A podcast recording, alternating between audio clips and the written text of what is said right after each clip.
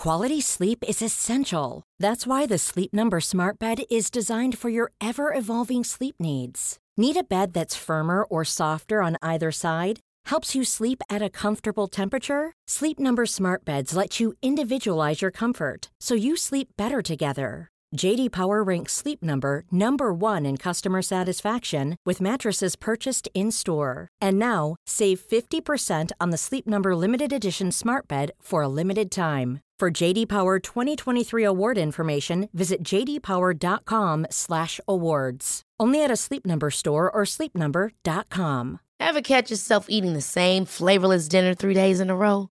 Dreaming of something better? Well, HelloFresh is your guilt-free dream come true, baby. It's me, Kiki Palmer. Let's wake up those taste buds with hot, juicy pecan-crusted chicken or garlic butter shrimp scampi. Mm. Hello Fresh. Stop dreaming of all the delicious possibilities and dig in at HelloFresh.com. Let's get this dinner party started. Hey, it's Ryan Reynolds, and I'm here with Keith, co star of my upcoming film, If, only in theaters, May 17th. Do you want to tell people the big news? All right, I'll do it. Sign up now and you'll get unlimited for $15 a month and six months of Paramount Plus Essential Plan on us. Mintmobile.com slash switch. Upfront payment of $45 equivalent to $15 per month. Unlimited over 40 gigabytes per month. Face lower speeds. Videos at 480p. Active Mint customers by 531.24 get six months of Paramount Plus Essential Plan. Auto renews after six months. Offer ends May 31st, 2024. Separate Paramount Plus registration required. Terms and conditions apply if rated PG. Går ikke den til helvete, da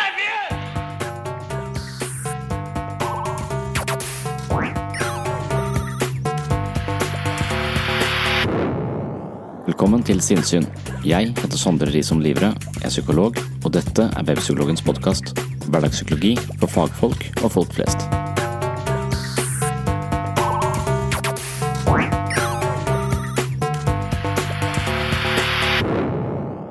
Vi går mye på autopilot og gjentar vaner for tenkning, følelser og relasjoner, og vi gjør det vi tidligere har gjort i livene våre. Vi er med andre ord vanedyr, noe som gir oss trygghet, men det kan også hindre både vekst og utvikling.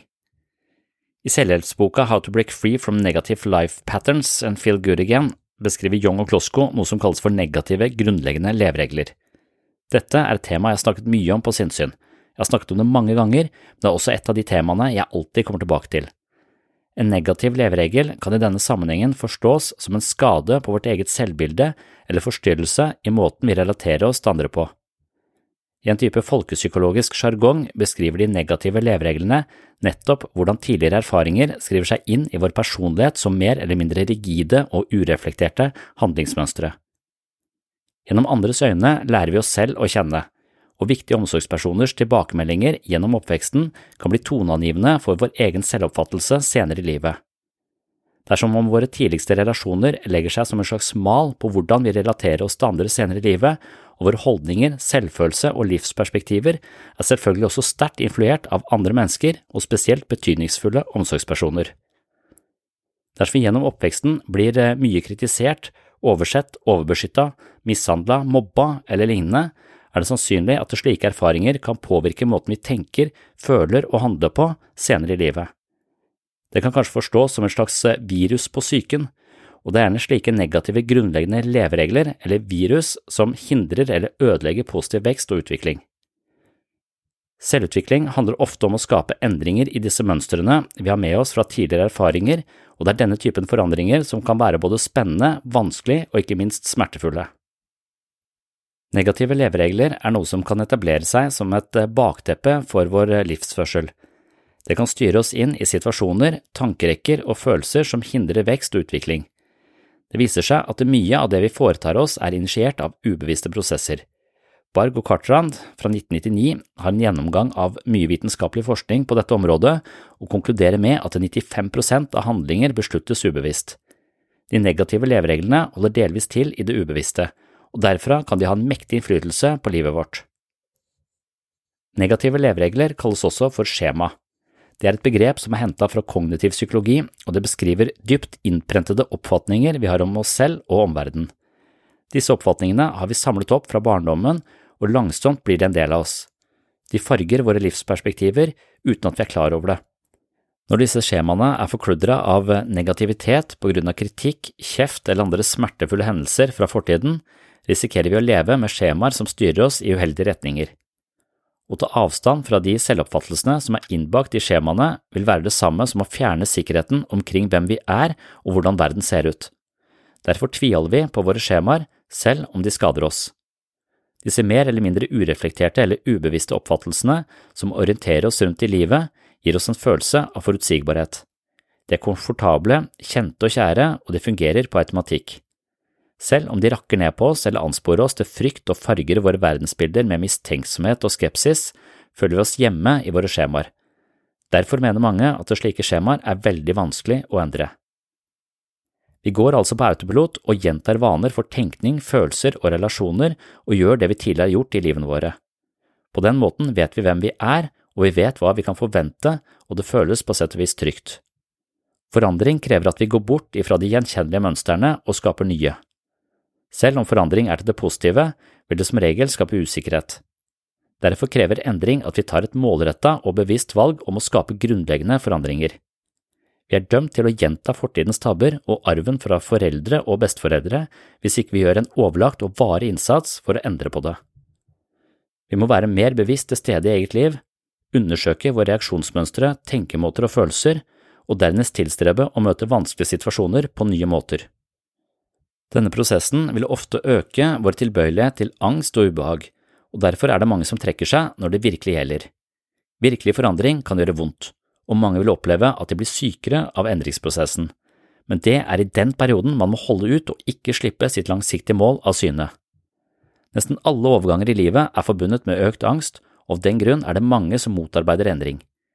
Grunnleggende sett ønsker de realisering, forandring og vekst, men de smertefulle omkostningene vil man helst unngå. Dette er tema i dagens episode. Jeg vil snakke om negative leveregler, skjematerapi og ikke minst hvordan vi kan endre oss. Men som sagt, endring krever at vi forlater våre mer vante selvoppfattelser, og det kan være anstrengende og smertefullt.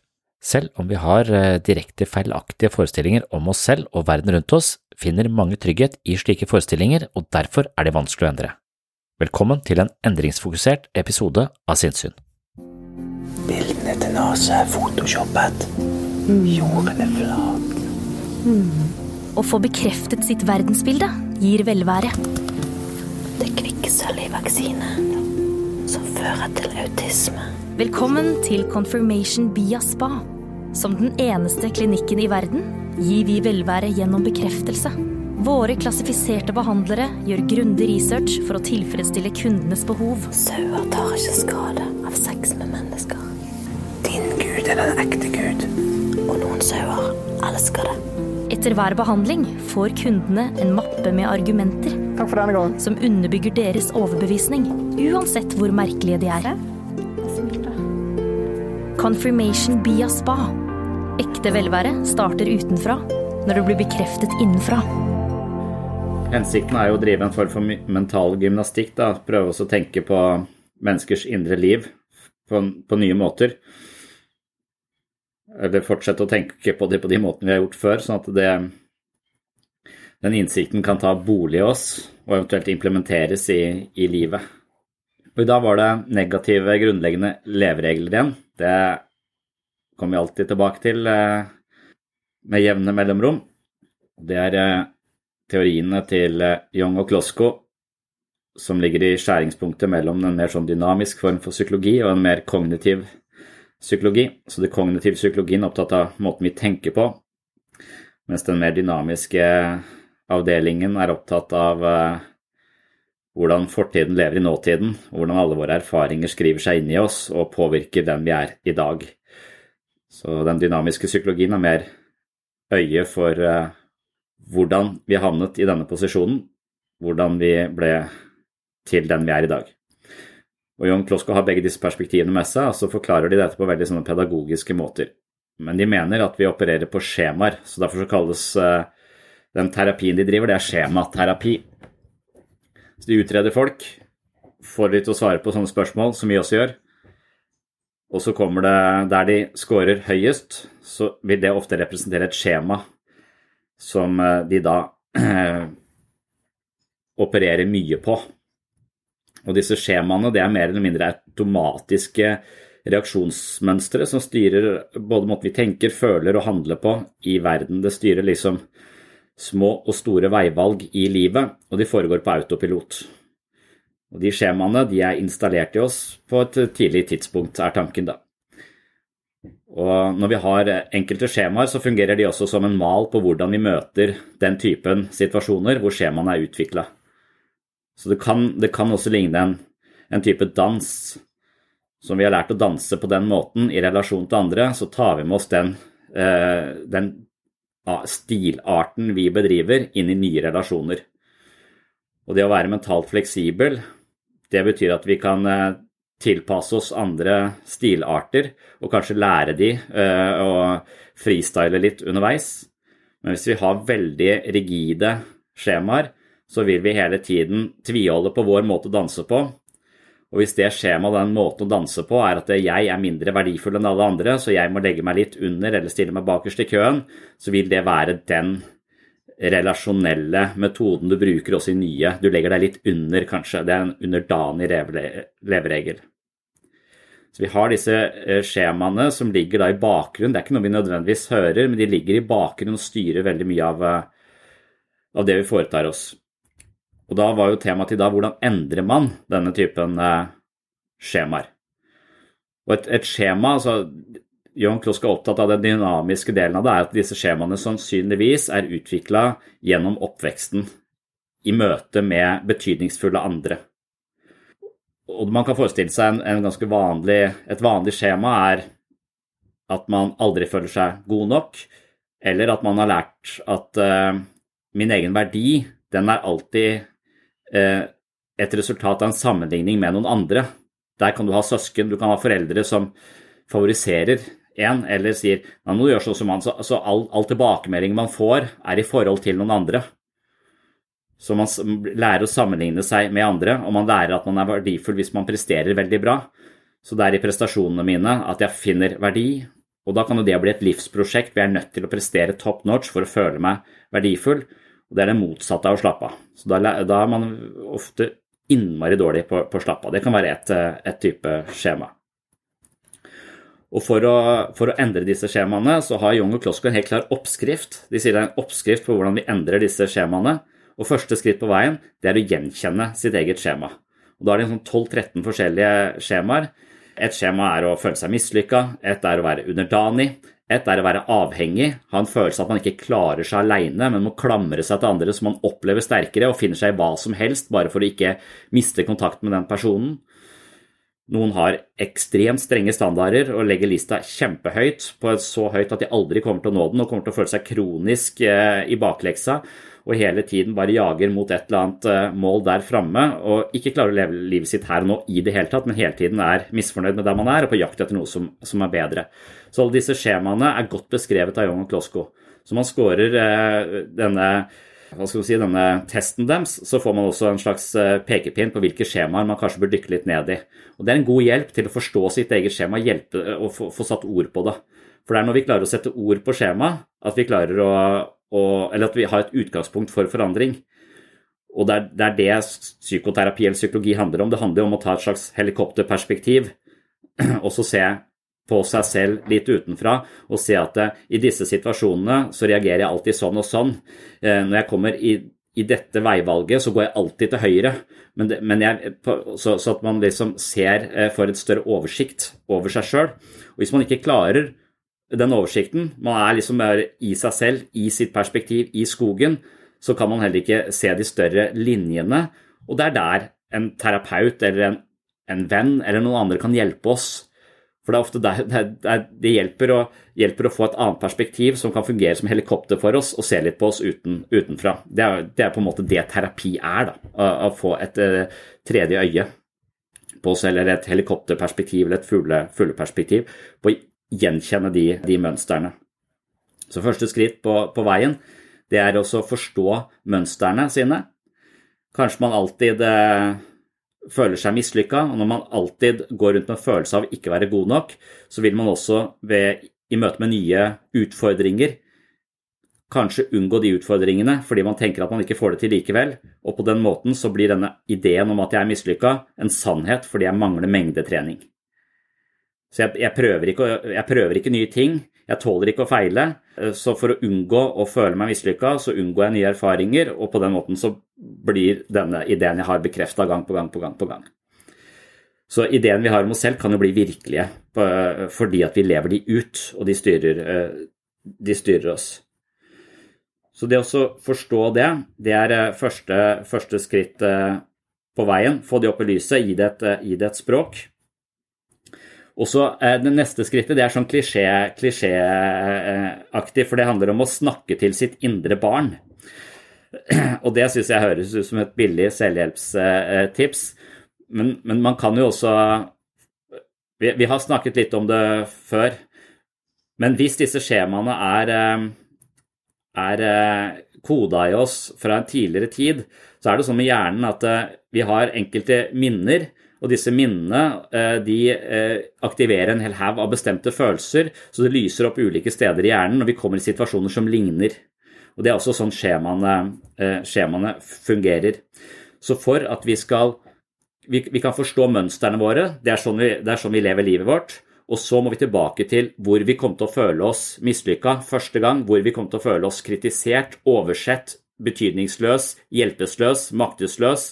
Alle de følelsene som vi har med oss fra en svunnen tid, de, eh, så, som også ligger til grunn eh, for disse, disse skjemaene, de kan det være vi er nødt til å gå tilbake til. For det veldig mange mennesker driver med, er at de følelsene vi hadde og ikke kunne håndtere når vi var barn, de prøver vi å undertrykke. Og det kan vi bruke et helt liv på. Vi kan prøve å undertrykke de, de, følelsene. Og da vil vi også være Det er litt som å leve livet i blinde, da. Følelsene er jo signaler som vi bør lytte til. Så la oss si du blir tråkka på, mishandla, kanskje misbrukt som barn. Så er sjansen for at du også vil oppleve det i voksen alder, mye større. Og hvorfor er det sånn? For det første så kan det være fordi du tiltrekkes den typen mennesker hvor du kjenner deg selv som en person som ikke har eh, like mye verdi som andre, og du, ut, du gjenskaper det. Samtidig så kan det være at du har undertrykt følelsene dine så lenge at du, du, du mangler magefølelsen på nye mennesker. Og der kan det være at vi, vi ved å liksom undertrykke følelsene altså Vi kan møte nye mennesker, og hvis vi hadde lytta til oss selv, så hadde vi skjønt at her er det noe som skurrer. Denne personen her tror jeg ikke at jeg skal uh, bli kjent med. Nå tror jeg jeg skal gå ut. Nå tror jeg jeg skal gå hjem. Den følelsen den er ofte til stede når vi møter noe som skurrer, eller potensielle farer. Men hvis vi er vant til å undertrykke følelser hele tiden, så får vi ikke med oss de signalene, og så havner vi på nytt i farlige uh, situasjoner. Så en del av, eller Skritt to når vi skjønner mønsteret vårt, det er å gå tilbake til og prøve å kjenne igjen de følelsene som barnet hadde av hjelpeløshet osv., og, så og snakke til den siden av oss selv. Det er også terapi. Det handler om å gi de følelsene et språk, sånn at de følelsene ikke bare ligger undertrykt i et eller annet avlukke i oss selv. Vi er, vi er nødt til å forstå de følelsene. vi er nødt til å, For etter hvert som du bruker masse energi på å undertrykke følelser, så vil du ikke få med deg farer, men du vil heller ikke få med deg hva du liker, hva du ikke liker, hva du har lyst til, hva som gjør deg glad, hva som gjør deg lei deg. Du, du vil ikke kjenne deg selv i det hele tatt. Så, så, når vi har sånne sterke følelser fra en svunnen tid, så må vi ofte snakke til dem og gi dem et språk og, og, komme tilbake til det. Og det er liksom skritt to, det er å snakke til ditt, eh, ditt, indre, ditt indre barn, og det handler om å få de akseptere de følelsene og gi følelsene et språk, sånn at de kan brukes i eh, vårt eh, livskompass, kan man si. Noe som er ganske, ganske avgjørende. Så vil neste skritt etter det, det, ifølge dem, det vil være at eh, disse følelsene de har også fått et språk eller sånn de, de, de, skjemaene de har også en del, de opererer på en type logikk som vi er nødt til å undersøke. Det der med 'jeg er mislykka' er, er et ganske sterkt verb. Og, og se hva, hva, slags belegg har jeg for å tenke at jeg er mislykka. Da har man jo ofte veldig mye belegg. Man har masse bevis på at man har mislykkes fordi man nettopp har levd ut denne ideen om at jeg er mislykka, mangler ofte mengdetrening på, på, mange ting og vil ikke begynne på nye ting i frykt for å mislykkes. Man har ikke helt den aksepten for at det, man er nødt til å mislykkes 100 ganger for å bli god. Man må tåle å være i, eh, amatørposisjonen og prøve og feile for, for å, bli, for å bli, bli, bedre. Så Ofte så har man masse, masse bevis for dette, men, men, så, hvis man da vet hvor denne ideen kommer fra, hvor den har sitt opphav, og hvordan den er installert av andre mennesker som har behandla deg på en eller annen måte, så kan det være at du også kan føre, føre en slags sak mot din egen selvfølelse, eller mot din egen logikk, mot din egen måte å forstå deg selv på. For, eh, og der kommer dette med alt du tenker og føler er feil eh, inn i bildet. Du har eh, et, eh, et, skjema som forteller deg noe om din egen verdi og ditt eget potensial, og det er installert av andre mennesker som kanskje ikke har behandla deg bra nok, og dermed så er du feiljustert på det, på det området, og da må du tvile litt på denne eh, ha, ideen man har om sin manglende verdi, f.eks. Hvis det er der skoen trykker. Og neste, neste skritt, når man har mer eller mindre hatt en slags rettssak med seg selv. Da. Eh, forstått at eh, alle de tingene som jeg lever og tror om meg selv, de er ikke nødvendigvis en sannhet. De er eh, installert i meg, og det finnes andre måter å se dette på som gjør at jeg har et helt annet potensial, og så må jeg tørre å, å, å, å stå, over, det. Men i og med at dette her er innkoda i oss på et veldig tidlig tidspunkt, så ligger disse skjemaene de dukker opp på automatikk så vi er nødt til å være veldig bevisste, og vi må, vi må, finne ut av når er det de dukker opp, når er det disse skjemaene spiller inn, når er det jeg typisk går inn i de samme relasjonene hvor jeg blir dårlig behandla. Du, du, må vite om det, så du må være til stede ganske mye mer i livet ditt. Og Da mener de at du trenger psykologiske huskelapper som du henger rundt eh, i huset ditt, eller går rundt med i lomma. Fordi at eh, det, det høres banalt ut, men det å skrive ned sin egen forståelse av dette mønsteret jeg pleier å møte eh, mennesker som jeg blir veldig tiltrukket av i, første, eh, i starten. De er ofte ganske dominante. De er sånne som prater masse, for da slipper jeg å prate så mye, og det er en komfortabel situasjon å være i. De relasjonene pleier å føre til at jeg blir dårlig behandla tre uker lenger ned i, i, i, gata, kan man si. Så, så det å ha sånne lage seg noen setninger på disse mønstrene vi prøver å endre. Det kan være ganske viktig. Å skrive de ned på huskelapper er det, det er tipset Young og Klosko. Så, dette er veldig sånn kognitivt, det veldig sånn, og de er veldig pragmatiske. De vil at vi skal bruke den innsikten til Vi skal gjøre den, vi skal, vi skal handle den innsikten eh, vi eventuelt har fått via disse levereglene. Så da vil første skritt være å lage disse huske, huskelappene. Hvis du også har forstått hvor, hvor disse skjemaene har oppstått, og hvem som har behandla deg dårlig, så, og du har snakket til dette barnet som uh, var livredd, så, så, kan du også etter hvert uh, kjenne til den følelsen, og du kan kanskje beskrive den følelsen overfor de som har tråkka på deg. Så det er, det er neste sånn konkrete tips de har. Skriv et brev til de som har skada deg. Men det står også du trenger ikke å sende det. Men skriving er ganske verdifullt som selvutviklingsstrategi. Det er som om tankene våre kan gå i alle retninger, men det å skrive, det å lære seg å skrive om seg selv, det er å lære seg å sortere tankene sine og få orden. der nest... Skriving er som å rydde i hodet. For man kan tenke, og så tenker man litt der, tenker man litt der. Det er kanskje som å rote. men, men for å, for hvis man har mange tanker som, som går i alle, alle, retninger, så vil det også skrive det ned og gi det en stemme, og det er på et papir, det vil være å rydde eh, i, i hodet. Så det er ikke så ofte det brukes i, eh, i klinisk praksis, tror jeg, men skriving tror jeg er en undervurdert kilde til eh, selvutvikling. For det, det er en måte å få lære seg selv å kjenne. For da ser du der at istedenfor at tanker bare kommer og går, så klarer du å se sammenhengene. Du kan lage en sammenhengende forståelse av deg selv, og du kan se hvor, eh, hvor feilkoblingen eventuelt, eventuelt, er. Så, så, et tips er å skrive et brev til de som har skada deg, og fortelle deg hvordan det fikk deg til å føle, hvordan det har påvirka deg senere i livet. Da, da, I den prosessen der så kan du få veldig masse oversikt over deg selv og din egen måte å, å fungere på. Så neste skritt han snakker om det er å forsøke å utforske mer nøyaktig hvordan dette mønsteret påvirker livet ditt. Så den følelsen av å ikke strekke til, den har forfulgt meg hele tiden. Eller den følelsen av at uh, mamma aldri bekrefta meg, det har sørget for at jeg stadig vekk går inn i relasjoner med uoppnåelige kvinner som jeg prøver å være kjæreste med, men som aldri egentlig har tid til meg, eller som ser litt ned på meg, eller et eller annet. Så jeg har hele tiden et mønster som, som ligner det mønsteret jeg hadde til min egen mor, f.eks. Så det å utforske da mye mer nøyaktig hvordan er dette mønsteret jeg har med meg fra barndommen, hvordan påvirker det meg i, i livet mitt her, her og nå. Og så er det da noe de også er veldig opptatt av, er at det, dette, denne innsikten den må implementeres i livet. Så det nytter ikke å bare gå rundt og forstå seg selv. Og det snakket vi litt om sist, at det er forskjell på Det er lettere sagt enn gjort. Og kanskje vi, vi, vi sa at det er kanskje lettere tenkt enn sagt. Altså det å si noe om dette, det å forklare og sette ord på sitt eget mønster, det kan være, være veldig viktig. Men det er også veldig viktig at det ikke bare blir snakk. Det må også bli noe Vi, vi, må, vi må, finne ut av hvordan kan jeg omsette denne, denne innsikten i livet mitt. Hva kan jeg gjøre for noe? Hvilket kryss kan jeg gå til høyre i hvor jeg alltid går til venstre? Hva, hva kan jeg fysisk forandre i måten jeg lever på? Sånn at dette her skal få bolig i livet mitt, og ikke bare bli noe som jeg går, går og tenker på. Og, så, øh, og der skiller folk seg hvor flinke de er til å implementere den innsikten i eget liv. Og Der er man vel bare egentlig sugen på å få så mange forslag som mulig hver gang folk har en eller annen praksis eller et eller annet de har gjort, og som de har gjort til en type ny rutine i livet sitt. Hver gang de får, en, får et spørsmål om å delta på noe, så istedenfor å bare si ja på autopilot fordi de ikke tør å skuffe den andre, så har de begynt å si du, det er interessant, jeg skal bare sjekke kalenderen, så kommer jeg tilbake til deg. Sånn at de gir seg selv et lite rom før de automatisk sier ja, sånn at de ikke hele tiden driver med ting som de egentlig ikke har lyst til, men ikke tør å si nei.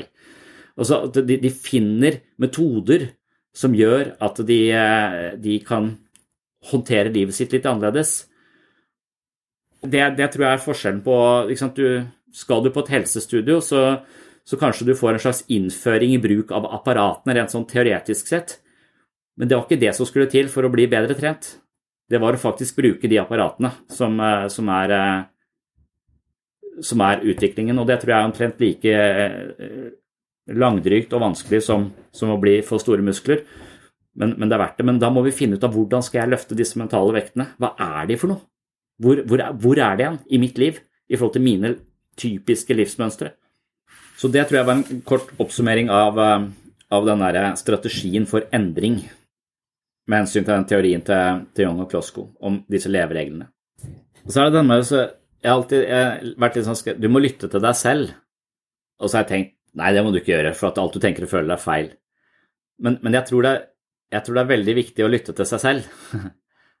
Vel vitende om at det du tenker om det du lytter til, kan være eh, forvrengt men prøve å lytte litt uten forforståelse, så lytte til seg selv. Jeg tror det er veldig mange som har et ekstremt vagt forhold til sine egne følelser, fordi det har ikke vært plass til dem. De har måttet øh, undertrykke dem fra et tidlig tidspunkt. Noen følelser er så vanskelig å bære som barn, så hvis vi ikke har noen som kan bære dem sammen med oss, så er de helt umulig å løfte. Så man må bare, man må bare undertrykke dem.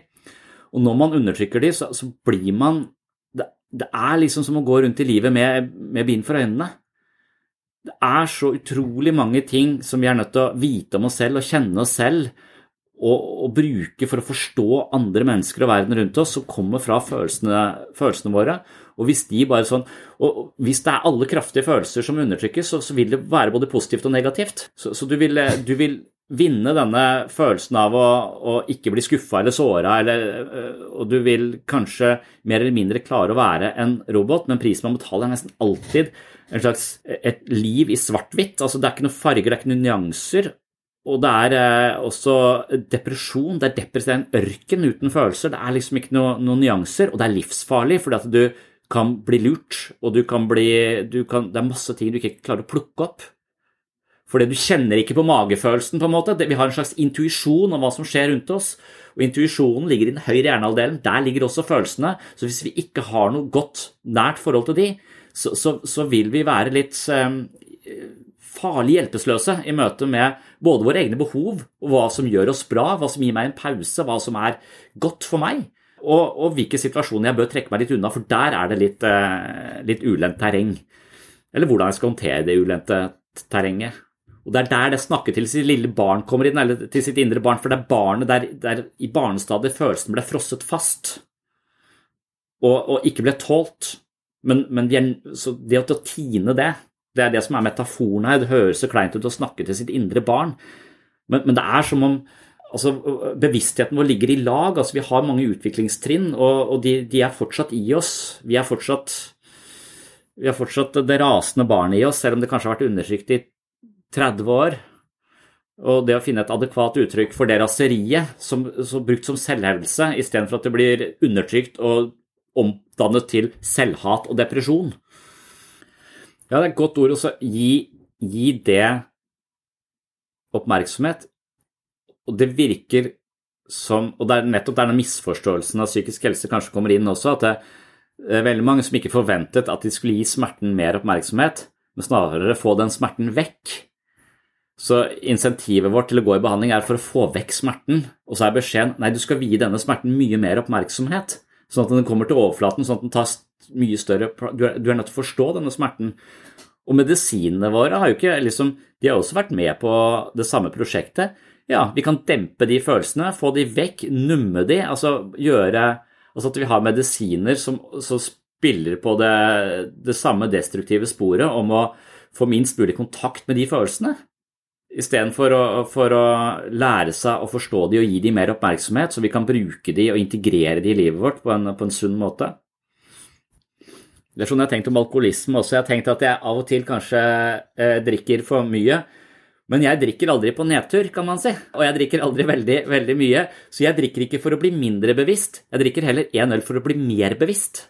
Altså at, Som om jeg kan leve meg inn i musikken på en, på en, på en mye mer åpen måte. Som om, jeg, som om målet mitt er å altså jeg, Når jeg er på et godt sted, så kan jeg få mer bevissthet. Jeg kan øh, kjenne etter på flere, på flere følelser. Men idet jeg begynner å drikke for å unngå følelser eller fjerne meg fra smerte, da føler jeg du er på, på alkoholismesporet. Så, altså, jeg, så jeg tror to mennesker kan drikke omtrent det samme mengden, mens den ene alkoholiker og den andre ikke er det. For det, det er insentivet bak drikkinga som er forskjellen. Okay, I have two new obsessions that I need to share with you. Impress No Glue Press On Manis and Impress Press On Falsies Lashes. Trust me, these are getting ready game changers. Both require no glue, so there is no damage to your natural nails and lashes, no mess, and no annoying dry times. Just one step and you're done. Boom instant glam. Visit impressbeauty.com slash presson and use code PRESSON25 at checkout for 25% off Impress Manicure and Press-On Falsies. Ever catch yourself eating the same flavorless dinner three days in a row? Dreaming of something better? Well, HelloFresh is your guilt-free dream come true, baby. It's me, Kiki Palmer. Let's wake up those taste buds with hot, juicy pecan-crusted chicken or garlic butter shrimp scampi. Mm. Hello Fresh. Stop dreaming of all the delicious possibilities and dig in at HelloFresh.com. Let's get this dinner party started. Hey, it's Ryan Reynolds, and I'm here with Keith, co star of my upcoming film, If, only in theaters, May 17th. Do you want to tell people the big news? All right, I'll do it. Sign up now and you'll get unlimited for $15 a month in six months of Paramount Plus Essential Plan on us. Mintmobile.com slash switch. Upfront payment of $45 equivalent to $15 per month. Unlimited over 40 gigabytes per month. Face lower speeds. Videos at 480p. Active Mint customers by 531.24 get six months of Paramount Plus Essential Plan. Auto renews after six months. Offer ends May 31st, 2024. Separate Paramount Plus registration required. Terms and conditions apply if rated PG. Ja. Nei, ikke sant? Så det er så overvekt og, og livsstilssykdommer er jo prisen man betaler for denne livsbejaende måten å, å, være på. Men det er derfor jeg hører på det P3-morgen, eller hvor, jeg husker ikke akkurat hvor han Ronny er hen, men jeg blir jo bare glad av å høre på han fyren der. Han er jo så, så fornøyd. Og, og, man blir jo så Man kan adoptere litt denne fornøydheten eh, selv, hvis man ikke nødvendigvis er så fornøyd bare ved å høre på han der. Men eh, han veier kanskje litt mye. Det er det han har tenkt å gjøre noe med i dette programmet. Velkommen til en litt annerledes helseserie, der en stor mann prøver å finne fasiten på det gode liv. Nå kan hvem som helst se det, og hvem som helst kan mene hva de vil om det. Jeg skal være ærlig på at jeg er litt nervøs, ja. Viser den 133,8. Det som jeg på en måte har funnet ut av, er jo at jeg eh, befinner meg i kategorien som heter Altså det er liksom det er overvekt, og så er det fedme. Og så ligger jeg oppe på alvorlig fedme. Det likte jeg ikke kjent her.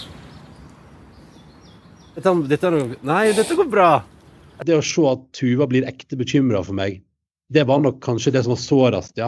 Hvis jeg skal bli gammel og glad, og fungere uten masse livsstilssykdommer på toppen, da må jeg ut av alvorlig. Hun er jo bare redd for meg. Så tror jeg at hun liksom tenker bare at her må vi ta litt ansvar, da. Du er livsglad, du nyter livet, det er øl og tacos. På mange måter eh, noe flere burde etterstrebe.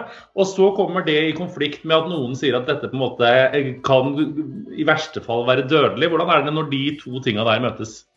Nei, men Det er det som er så fint, for den serien her slår jo fast at jeg, jeg er litt for tjukk, liksom. Eh, men så fortsetter jo reisa ut i det som handler om men hva skal vi gjøre med det? Først og fremst så må jeg bare si at jeg har alle mulige ambisjoner om å fortsette å være tjukk. For min del handler det om at den reisa som jeg nå legger ut på i den serien her, viser meg at det går an å gjøre ganske små ting med livet sitt, og så bare leve litt mer bærekraftig.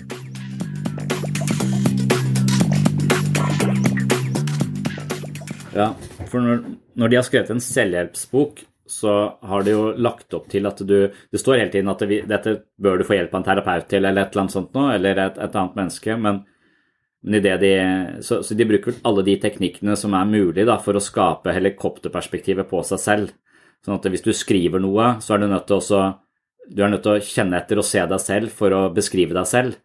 Så det er masse strategier på å beskrive seg selv, sånn at du nettopp tar skritt ut for å se hvem, hvem du er. Men likevel, du er ganske, du er ganske fanget av ditt eget perspektiv, selv om du prøver å være så objektiv som mulig når du ser deg selv og, og ser de store linjene i livet ditt, hva slags relasjoner du typisk går inn i. Så den typen detektivarbeid den tror jeg er viktig å, å, å gjøre, men jeg tror det er eh, blir vanskelig hvis ikke du får eh, hjelp av et annet blikk også. Og så bare være seg selv i møte med noen andre og få, få deres perspektiv. Det tror jeg kanskje er et eh, ja, ganske avgjørende supplement da, til det man kan gjøre på egen hånd. Det er vel det vi driver med i gruppeterapi. Vi ser hele tiden på mønster. Vi ser på folk som er veldig opptatt av å ønske andre velkommen og stille andre spørsmål, men blir helt låst hvis du stiller de et spørsmål. Hvis de må si noe om seg selv. Så, så kan vi i gruppeterapi fungere som et slags minisamfunn hvor vi ser de ulike rollene man typisk går inn i. Ikke arrestere det, men påpeke det in action. Da differensierer man igjen. Da kommer jeg tilbake til at du må stole på deg selv. Du må kjenne etter på følelsene dine og lytte til de, men du må ikke stole på uh, forklaringen din hvis du har sånne snevre kategorier og fortolkningsrammer som er uh, rigid satt opp i disse skjemaene. Disse negative levereglene er jo bare fortolkningsstrategier som vi typisk går inn i.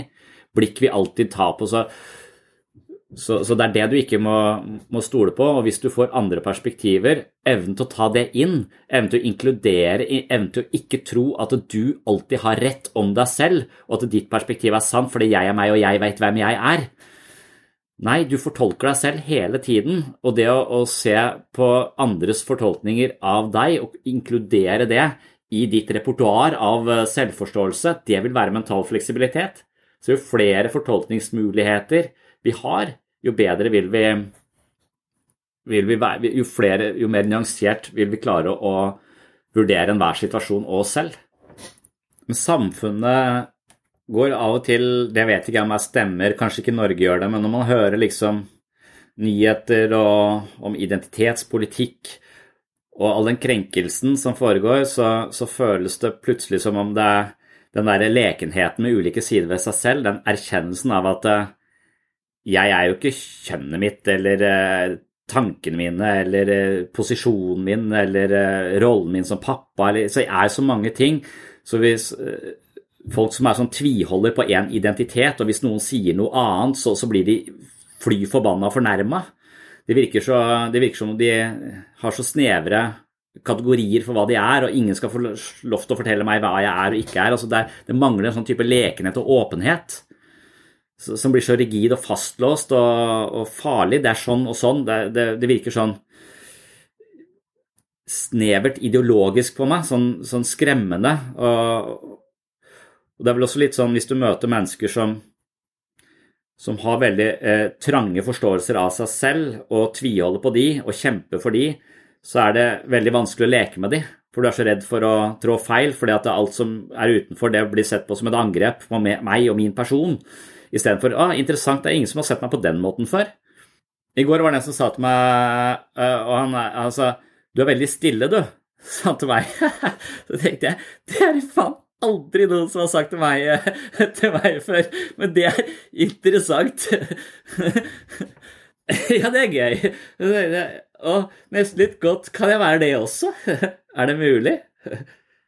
Men poenget mitt er kanskje hver gang vi forelsker oss eller får et for nært forhold til én forståelse av oss selv som, ikke, som blir skrevet i stein, og ikke er eh, åpen for at det, sånn er jeg på mandag og tirsdag, men aldri på onsdag, torsdag, og fredag. Sånn vi endrer oss jo fra dag til dag. Så hver gang vi får sånne ting vi tviholder på, så blir livet så anstrengt. Og det blir så lite rom for manøvrering og så vanskelig å være fleksibel i møte med andre. Tenk om jeg kan være den stille innimellom. Det ville være å utvide mitt repertoar av måter å være på. Det, hvis, jeg, hvis, jeg, får den så, Ja, kanskje, kanskje, jeg kan være det. Jeg prøvde det i en gruppe på onsdag. Da ble det veldig stille. Det er vel der, der, der, det må være litt vågal da, når du prøver å utvikle det, at når du får tilbakemeldinger som du virkelig opplever ikke passer, som du reagerer veldig på, så la de henge litt, la de være litt, se om det er mulighet mulig å bruke det til noe, noe, som, noe som, helst, sånn at du kanskje du kan prøve den, den hatten. For hver gang vi avviser, avviser, det, så er vi liksom uh, Det er ingen utvikling i det, men det å utvikle horisonten sin eller terrenget sitt eller sitt psykiske liv, sånn at nesten noen ganger så tenker jeg på det som sånn Eh, slags mental imperialisme, hvor jeg kan utvide mitt indre landskap ved å inkludere flere sider av meg selv. Akkurat som jeg spiller Risk på et brett, så skal jeg liksom erobre flere deler av Europa. Der er det en kamp, da. Men at det også er litt sånn med mitt indre liv at det, det også forstå, få nye forståelser av meg selv. Det betyr ikke at jeg nødvendigvis må viske ut de gamle, eller at jeg, nå skal jeg bytte ut den med den, men at jeg kan få flere. Jeg kan få enda romsligere kategorier og forståelser, og da har jeg et større repertoar og kan være mer fleksibel i, i møte, møte, med andre. Og Det er kanskje sånn vi forstår selvutvikling, men så kan det også bli for mye av det at det eneste vi er opptatt av, er å utvide repertoaret og, og, bli større og større, og så, og så, glemmer vi litt hvor vi bor hen, og hvordan det er å trives hjemme i denne kampen for å hele tiden få mer terreng. Så Det var også påpekt sist at vi må kanskje hvile litt der vi er, også når vi ser at vi vi er for, for, låst fast, at vi er, mangler handlingsrom og frihet og, og mellommenneskelig fleksibilitet, så må vi kanskje begynne å se litt på disse grensene uh, for, uh, for, egen selvforståelse og inkludere noen flere narrativer. Og De kan vi få fra andre. Hvordan opplever du meg hvis du ikke skal være høflig og, eller være bundet til alle sosiale koder? I stad var det noen som sa at jeg var sint, ikke sant? Eller at jeg, at jeg kjefta på folk. Det var noen som sa, sa i stad. Og det, det, det, kjenner jeg også igjen. Det, det, er jo kanskje en sånn side man altså, som du kan si Nei, jeg kjefter ikke på folk. Eh, det er de som opplever det sånn, eh, og det er for deres kaffe. For, for, for, det kan jo også være et sted i ditt eget mentale landskap du må rydde opp litt. Hvorfor, hvorfor føler du så sterkt for det? Hvor kommer det fra, liksom? Hva er det for noe her borte i, i, i min måte å være på som, eh, som agerer en måte som virker kjeftende? Er jeg forbanna, eller er jeg ivrig? Og i så fall, hvis jeg er ivrig, hvorfor misforstås min ivrighet hele tiden? Kan det være jeg som tror jeg er ivrig, men jeg egentlig er forbanna? Hvem vet? Det må jeg tenke litt på. Men jeg kunne ikke gjort det hvis ikke noen hadde sagt det til meg. Jeg trenger jo det perspektivet. ikke sant? Jeg trenger å bli satt på den tanken. Jeg, må le. Ja. Alle folk tror at jeg er sint. Jeg er vel faen ikke sint! Kan vel ikke være sint når det ikke har noe å være sint for? Vi har fått det for godt her i dette landet. Hva nå det kan være godt for? Ja, for vi nordmenn, vi er en nasjon av kverulanter og kranglefanter. Det er skjellsorda vi har levd på i alle disse åra. Det er kranglinga som har sveisa oss sammen til en enig nasjon. Men tar du sinnet fra en gjennomsnittsnordmann, så tar du livsløkka fram. Og det er det de har gjort! Ja, det er jo ingen å skjelle ut lenger, jo! Hvor er det blitt av alle kjøtthuene og idiotene her i landet? Se på han derre kulturelle vidunderbarnet Bjerkmar Gjerde. Han har jo ikke driti seg ut en eneste gang, han jo! Og for den der utenriksminister Cappelen, han er så talentfull at intelligensen tyter ut av øra på han. Ja, men det er da ikke noe moro med flinke folk! Se på dette Stortinget. Før var det stappfullt av eglete, trompete sinnatagger. Men nå, nå kjæler de med hverandre og pisser hverandre opp etter ryggen. Ja, det er da ikke noe moro med folk som pisser hverandre opp etter ryggen. Men jeg kan også selv lett å forstå, da, hvis at du sier ja, du opplever sint veldig ofte, så blir jeg jo litt lei meg også. Og, og, og det er jo den der å føle seg lei seg over den man er, fordi man skulle ønske man kanskje ikke var sånn, og, så, og den der ja, men det er jeg ikke klar over. Da, hva skal jeg gjøre med, med, det? En slags sånn hjelpeløshet, følelse, en slags usikkerhet.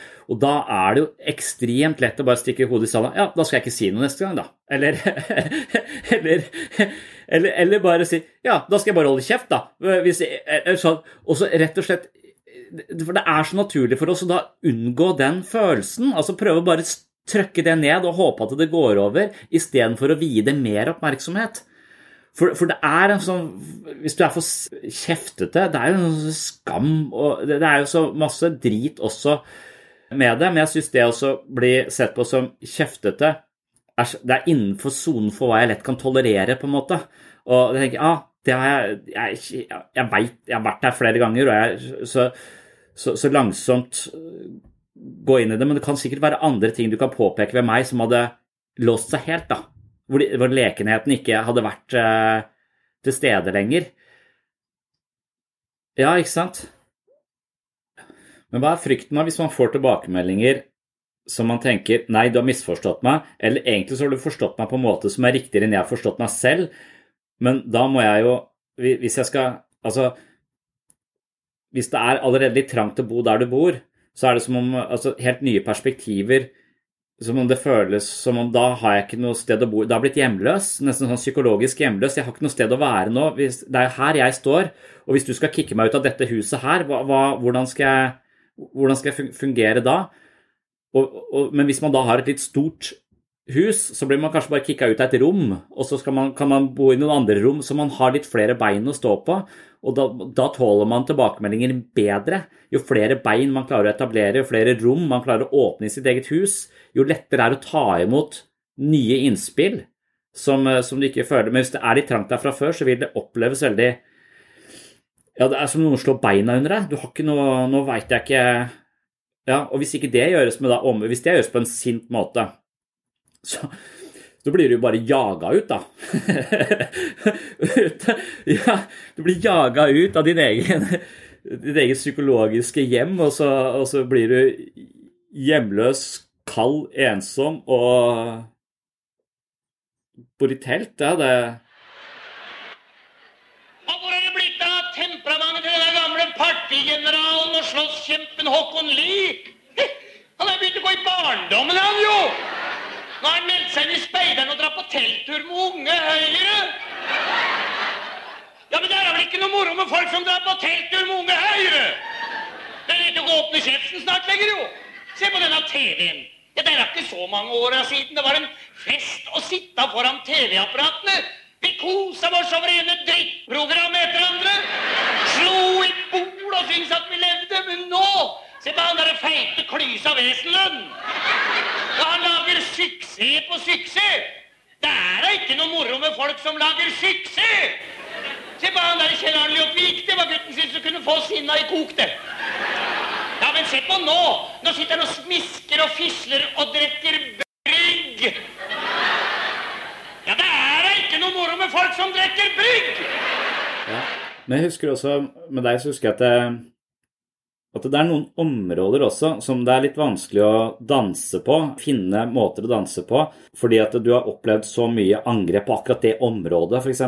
Sånn at det, der, der du er så vant til at folk ikke kan den dansen eller kan forstå ditt perspektiv på det området. Så det føltes nesten riktig bare Ja, men det er, så, det er uvesentlig, eh, det perspektivet der akkurat nå. Vi, vi, vi må finne ut andre måter å, være, å, å danse på på andre, andre arenaer. Det følte jeg litt vi gjorde i starten. At vi prøvde oss på ett område som ikke helt gikk, og så fant vi bare helt andre, andre stilarter på helt andre områder. Og så kunne vi gå tilbake til å snakke mer eh, uten, uten, å kjøre oss fast da, på, de, på, de, enkelte områdene. Som uh, Det er noen sånne områder som, ja, hvor det er litt, litt lite manøvreringsrom, uh, også i den offentlige debatten og også i møtet mellom, mellom mennesker. Da. For det er der vi danser litt rigid, som er ofte problemene våre. At vi ofte vi kan komme i de samme situasjonene og gjenskape det og gjenskape det. Vi kan bare denne Og Young Klosko kaller det for moduser, så vi handler i moduser. Når vi krangler f.eks., så vil vi ofte havne i en modus som er tilsvarer sånn type fire år, mental alder fire år. Så, så vi opererer plutselig en, en modus som er helt annerledes enn den modusen vi, vi normalt sett har, som er et mye videre perspektiv og et mye mer regulert perspektiv og måte å være på. Men så kan vi komme, særlig med våre nærmeste, inn i type moduser hvor disse skjemaene fra tidligere spiller seg ut. Da. Og De kan være kontekstspesifikke, at de spiller seg f.eks. bare ut til folk som er jevnaldrende eller av motsatt kjønn, eller eh, som er eldre enn oss, eller et eller annet sånt som vi har det eh, Avhengig av hva slags relasjon vi har hatt tidligere, så flytter de relasjonene inn i oss. Og så gjenskaper vi de som moduser i møte med, eh, med tilsvarende personer som minner oss om det fra, fra tidligere. Og hvis du da er en veldig skrøpelig altså Det narrative selve i venstre hjernehalvdel har da som oppgave å lage en form for sammenheng mellom meg som fire år og meg som 42. Og det er der den prøver å forsvare ja, men du ble sint fordi at det er sånn og sånn og sånn. og sånn, Så lager den sånne eh, falske narrativer. da, Så jeg skal føle en form for eh, rettferdiggjøre min egen eh, barnemodus for den voksne modus, sånn at jeg føler en viss grad av sammenheng i meg selv. Og det er bra, for da føler jeg at jeg er ett menneske. Men hvis jeg ikke hadde hatt et narrativt selv, så hadde jeg bare falt inn i disse modusene. Og hvis de ikke kommuniserer sammen, så kan man risikere det som jeg tror i populærkultur kalles et multiple personality disorder. Altså at du har mange ulike personligheter som plutselig bare dukker opp, og de, og de husker ikke hverandre. Altså de, de, de, er helt separate måter å være i verden på, som ikke har noen forbindelse seg imellom. Og du har ikke noe narrativ selv som klarer å lage en bro mellom de heller. Så det er bare, så, så du er liksom, du heter forskjellige ting. Altså, og det, jeg, ikke, jeg, er skeptisk til at det i det hele tatt eksisterer. Men, men, en av mine favorittforfattere heter Fernando Pessoa. Det er jo sånn portugisisk også sånn ehm, den, ja, En av de mest viktigste litterære skikkelsene fra Portugal. Men, eh, men, han skriver i sju forskjellige heteronymer. Og, og, det vil si at de ulike stemmene han skriver med, de er helt forskjellige mentaliteter. Helt forskjellige måter å se verden på. De har også ulik håndskrift. For han skrev for hånd mye. Så, så, du, så de, de, du, kan se hvilken person, om han er Bernando Suárez eller om han er eh, Eh, han, han, har ulike navn på de ulike litterære karakterene sine, og det, det er så tydelig i stilen, men også tydelig i håndskriften. Så, så, der lurer jeg på om det er forskjellige moduser som man rett og slett bare kan hente seg være, eh, og at det er liten sammenheng mellom, eh, mellom de. Det har alltid fascinert meg. Jeg har alltid tenkt at de egentlig ikke eksisterer. Men hvis det eksisterer, så må det være fordi at du ikke har noen Du har ikke noen narrativ stemme som, som syr en sammenheng mellom ulike modusene, for vi er jo i ulike moduser. Jeg er jo tydeligvis sint eller, eller, eller kjeftete i en sånn type modus som jeg ikke helt skjønner hvorfor, hvorfor dukker den opp der. Eh, ikke sant? Så, så den, eh, og så må jeg bare, så kan jeg forklare det vekk ved at eh, Nei, jeg var ikke sint, jeg var eh, interessert. De misforsto meg. så, så, vi lager de sammen, sammenhengene. Men å ha gode sammenhenger mellom de å forstå at modusene og akseptere de modusene, for så å integrere de, så vil de bli en del av oss. De vil ikke operere helt fritt. Det er da det blir problem for Det er da vi blir en idiot når vi krangler. Fordi vi, vi, vi klarer ikke å koble inn Vi har ikke integrert den modusen i resten av oss. Og hvis vi har det, så vil den få støtte fra en mer voksen del av oss samtidig. Sånn at den vil kunne få et uttrykk, men vil ikke operere helt aleine.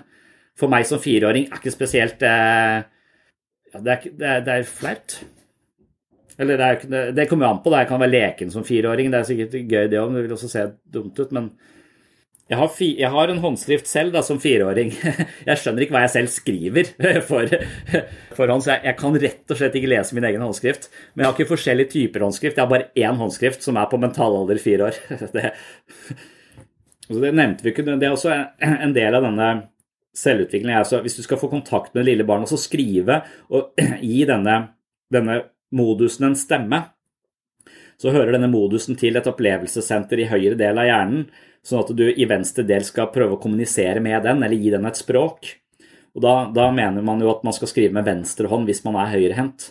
Fordi venstre hånd styres av høyre hjernehalvdel. sånn at det, for å stimulere følelsessenteren som ligger i det høyre, så kan man skrive fra barnets ståsted med venstre hånd.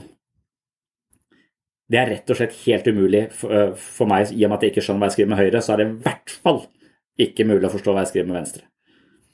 Jeg tror kanskje ikke du er At det er litt den, øh, den frykten er hvis du tror, tror du er noe, nesten sagt, eller noe, noe bestemt, men at det, istedenfor å tenke at man er noe annet enn det man er. Du er jo også blid, men du er også så, så, det er mer å utvide huset og inkludere flere sider av deg selv som det er mulig å vise andre, så du slipper å bare ha en sånn uh, PR-rådgiver som uh, viser seg, seg utad, mens at du også kan våge å ha andre deler av deg selv integrert i dette.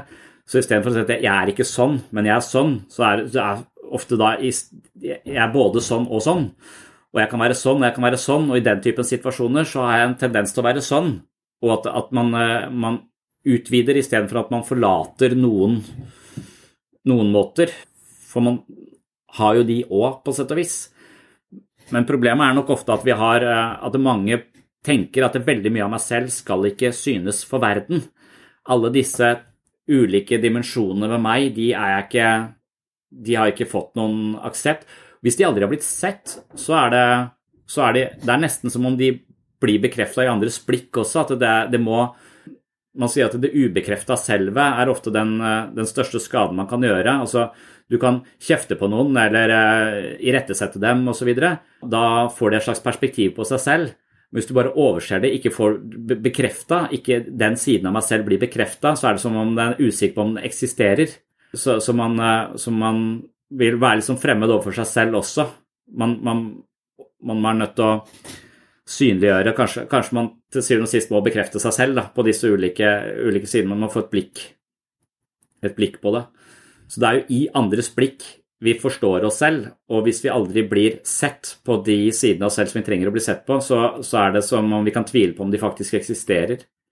Og man kan nesten bli litt usynlig, eventuelt usynlig for andre, eller ha en veldig sånn prangende PR-rådgiver som viser seg utad, mens eh, alt det andre som er uh, usynlig for oss selv, det er, det er uh, en slags tåke. Man kan forestille seg at det er verre, ikke sant? for hvis du, hvis du hvis du alltid blir kritisert, så har du et selv som sier 'jeg er dårligere enn andre'. Det er et skjema. 'Jeg får det ikke til. Jeg er dårligere enn andre'. Da har du i hvert fall et sted å stå. Du vet hvem du er, og du søker å få bekrefta den ideen om deg selv. Det er en enkel, veldig smal idé om, om seg selv, da. Det, det, men det er i hvert fall noe. Men hvis du ikke blir bekrefta, så, så, uh, så, er det som om du ikke har den identiteten heller. Eller hvem, hvem er jeg nå? Hvem er jeg da? Hvis ikke jeg og så har man kanskje den blide og hyggelige og morsomme varianten av seg selv, som er denne triste klovnen som, eh, som, man tviholder på, for det er det stedet jeg faktisk blir bekrefta får, får, en tilbakemelding. Men så har man kanskje tenkt at det er ikke plass til noe av det andre siden med meg selv. Veldig mange som tror at det er å belaste andre, da, å være ekte eller være trist. Men jeg tror det er en misforståelse. Jeg tror at andre mennesker eh, syns det er fantastisk å kunne være der for, for andre hvis de, hvis de, ikke føler de må overta, eller at, at, de får en mulighet til å være et godt menneske. ja, det er det vi snakket om i stad, denne frykten for eh, seg selv og denne tendensen vi har til å unngå å gi det oppmerksomhet. Og så er det den kjente setningen fra Jung som sier at det du virkelig trenger, det finner du der du helst ikke vil leite. Og det er noe med, med det, for det, Man kan også forestille seg en del av disse skjemaene eller disse tidligere erfaringene som skriver seg inn i vår mentale biologi og styrer oss. Det kan jo være at du blir mobba av læreren, og så får du en eller annen fantasi om at jeg skal faen meg knuse kneskålene til den idioten og henge han opp i øyelokka og piske han, og så tenker du oi, dette var voldsomme, kraftig aggressive følelser. Det kan ikke jeg ha. Det er skummelt. Jeg er en uh, ond person. Altså At man blir redd for sin egen aggresjon, og så undertrykker man det. Så noen har altså frykt for å se sine egne sadistiske tilbøyeligheter, på en eller annen måte. At vi har noen mørke sider som vi er livredde for, fordi at den reaksjonen vi hadde når vi ble tråkka på, den var egentlig en helt normal reaksjon som handler om selvhevelse og stå opp for seg selv, men så, så har vi kanskje ikke noe språk på det, noe støtte på det, så det blir bare skremmende å være så, så sint, og samtidig så hjelpeløs og maktesløs i denne situasjonen for noen som er sterkere enn oss. Og så blir det undergravd Og det er det som er monsteret. Det er det som er monsteret i skapet. Og så lenge du ikke våger å se på det, så går du rundt og er redd for det. Men hvis vi åpner skapet, så viser det seg veldig ofte at det er egentlig ikke et, eh, et, et Eller monster fins ikke i den forstand, men det fins i mental forstand. Men det å så langsomt nærme seg de sidene ved en selv, og akseptere de, og kanskje forstå de i lys av sin egen fortid, vil være måten å vokse på. Så, så, det er noe med det, altså. Det er litt som det hvis du kjefter Det er, det er jo en, en, en, sånn litt sånn mørk, aggressiv side ved en selv som man kanskje helst ikke vil identifisere seg med. Mm. Det er liksom det motsatte av borderline. For borderline er sånn svart eller hvitt. Altså Enten så føler jeg det, eller så føler jeg det. Men det du beskriver nå, er jo mange nyanser av eh, et helt, helt spekter, en regnbue av sinne, f.eks. Fra lett frustrasjon til eh, eller normal selvhevdelse til raseri. Eh, og idet man kjenner igjen den regnbuen og har den regnbuen, så kan man jo si fra før det går til raseri. For raseri er nok ikke sunt. Sånn, det, det, det, er veldig energikrevende å skape hjerteinfarkt. Men det trenger ikke å gå dit hvis man, hvis man har et helt spekter å, å, spille på der, sånn, hvor det kan uttrykkes mye tidligere. Og, og da, men da må man ha viet den siden av seg selv ganske mye oppmerksomhet, for man må kjenne til alle de nyansene. Og hvis man bare prøver å unngå sinne, så vil det kun dukke opp når det er på raserinivå, for det er da det kommer over terskelen inn i vår bevissthet og blir utagering hvert fjerde år. Og, og da, da vil du komme, da vil du bare fanges av den modusen, for nå har du undergravd den og ignorert den så lenge at nå, nå, nå er den helt full. Nå, nå, går det ikke lenger, og så kjefter du på folk som ikke fortjener det. Denne perfeksjonismen går meg på nervene! Gulen fjernsynssender har faen ikke vært ute av drift på fem år!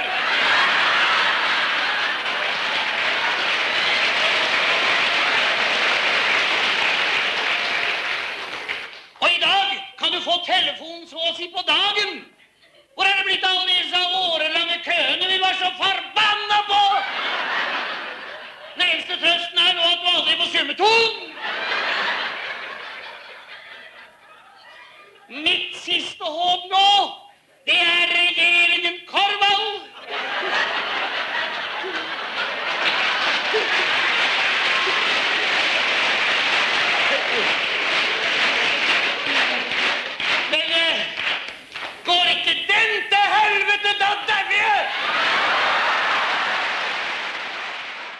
Takk for at du hørte på Sinnsyn. Takk til alle dere som har rata podkasten i iTunes og gitt den hyggelige tilbakemeldinger. Takk til alle dere som har anbefalt podkasten til venner og bekjente. Hvis du er mer interessert i endring av grunnleggende negative leveregler, så har jeg også laget en egen episode om dette på Patron. Det er episode 46 som bare heter Endring. Så hvis du vil ha tilgang på den episoden, så må du altså inn på patron.com for segs sinnssyn, som er mitt såkalte mentale treningsstudio. Denne siden er for de som ønsker å støtte sinnssyn, det er for de som finner verdi her på sinnssyn og har lyst til å støtte prosjektet. Det kan man altså gjøre inne på patron.com for segs sinnssyn, og da kan man velge et beløp som man vil støtte podkasten med per måned. Det trenger ikke være mye, det kan være tilsvarende en kopp kaffe eller to i måneden, og som takk for støtten så får du da et abonnement på mitt mentale treningsstudio. Og det abonnementet det inneholder masse ekstra episoder av sinnssyn, det inneholder en del videomateriale som ikke er publisert andre steder, jeg leser bøkene mine her, kapittel for kapittel, slik at Patron til slutt kommer til å huse lydbokversjonen av mine tre bøker. Så langt så har jeg lest inn Selvfølelsens psykologi og er veldig godt i gang med Jeg, meg selv og selvbildet, og Planen er jo at disse, disse, bøkene inneholder en rekke øvelser. I den første boka, Selvfølelsens psykologi, så er det over 20 øvelser, og Jeg, meg selv og selvbildet så er det nærmere 25 øvelser. Og Tanken er at disse bøkene skal utgjøre selve treningsprogrammet i mitt mentale treningsstudio. Så hvis du er eh, mer interessert i psykologi og selvutvikling, og ikke minst negative leveregler, og vil ha mer sinnssyn hver måned, så er patron.com for seg sinnssyn stedet å gå. Og det er også dere som allerede støtter meg på sinnssyn, som sørger for at det er liv i denne podkasten. Med støtte fra Patron så kan jeg prioritere dette prosjektet her hver eneste uke, og dermed så kommer det også episoder hver eneste uke her på sinnssyn. Tusen hjertelig takk for støtten jeg får fra dere Patron-lyttere, og Takk for nå. Velkommen tilbake i neste episode. På gjenhør.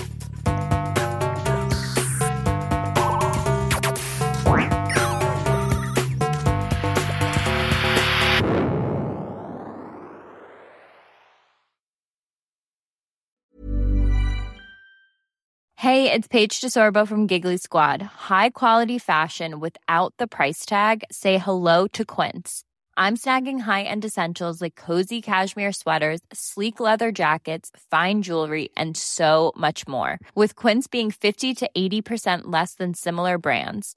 And they partner with factories that prioritize safe, ethical, and responsible manufacturing. I love that. Luxury quality within reach. Go to quince.com slash style to get free shipping and 365 day returns on your next order. Quince.com slash style. Okay, I have two new obsessions that I need to share with you. Impress No Glue Press On Manis and Impress Press On Falsies Lashes. Trust me, these are getting ready game changers. Both require no glue, so there is no damage to your natural nails and lashes, no mess, and no annoying dry times. Just one step and you're done. Boom. Instant glam. Visit impressbeauty.com slash presson and use code PRESSON25 at checkout for 25% off Impress Manicure and Press-On Falsies. Planning for your next trip? Elevate your travel style with Quince. Quince has all the jet-setting essentials you'll want for your next getaway, like European linen, premium luggage options, buttery soft Italian leather bags, and so much more. And is all priced at 50 to 80% less than similar brands. Plus, Quince only works with factories that use safe and ethical manufacturing practices. Pack your bags with high-quality essentials you'll be wearing for vacations to come with Quince. Go to quince.com/pack for free shipping and 365-day returns.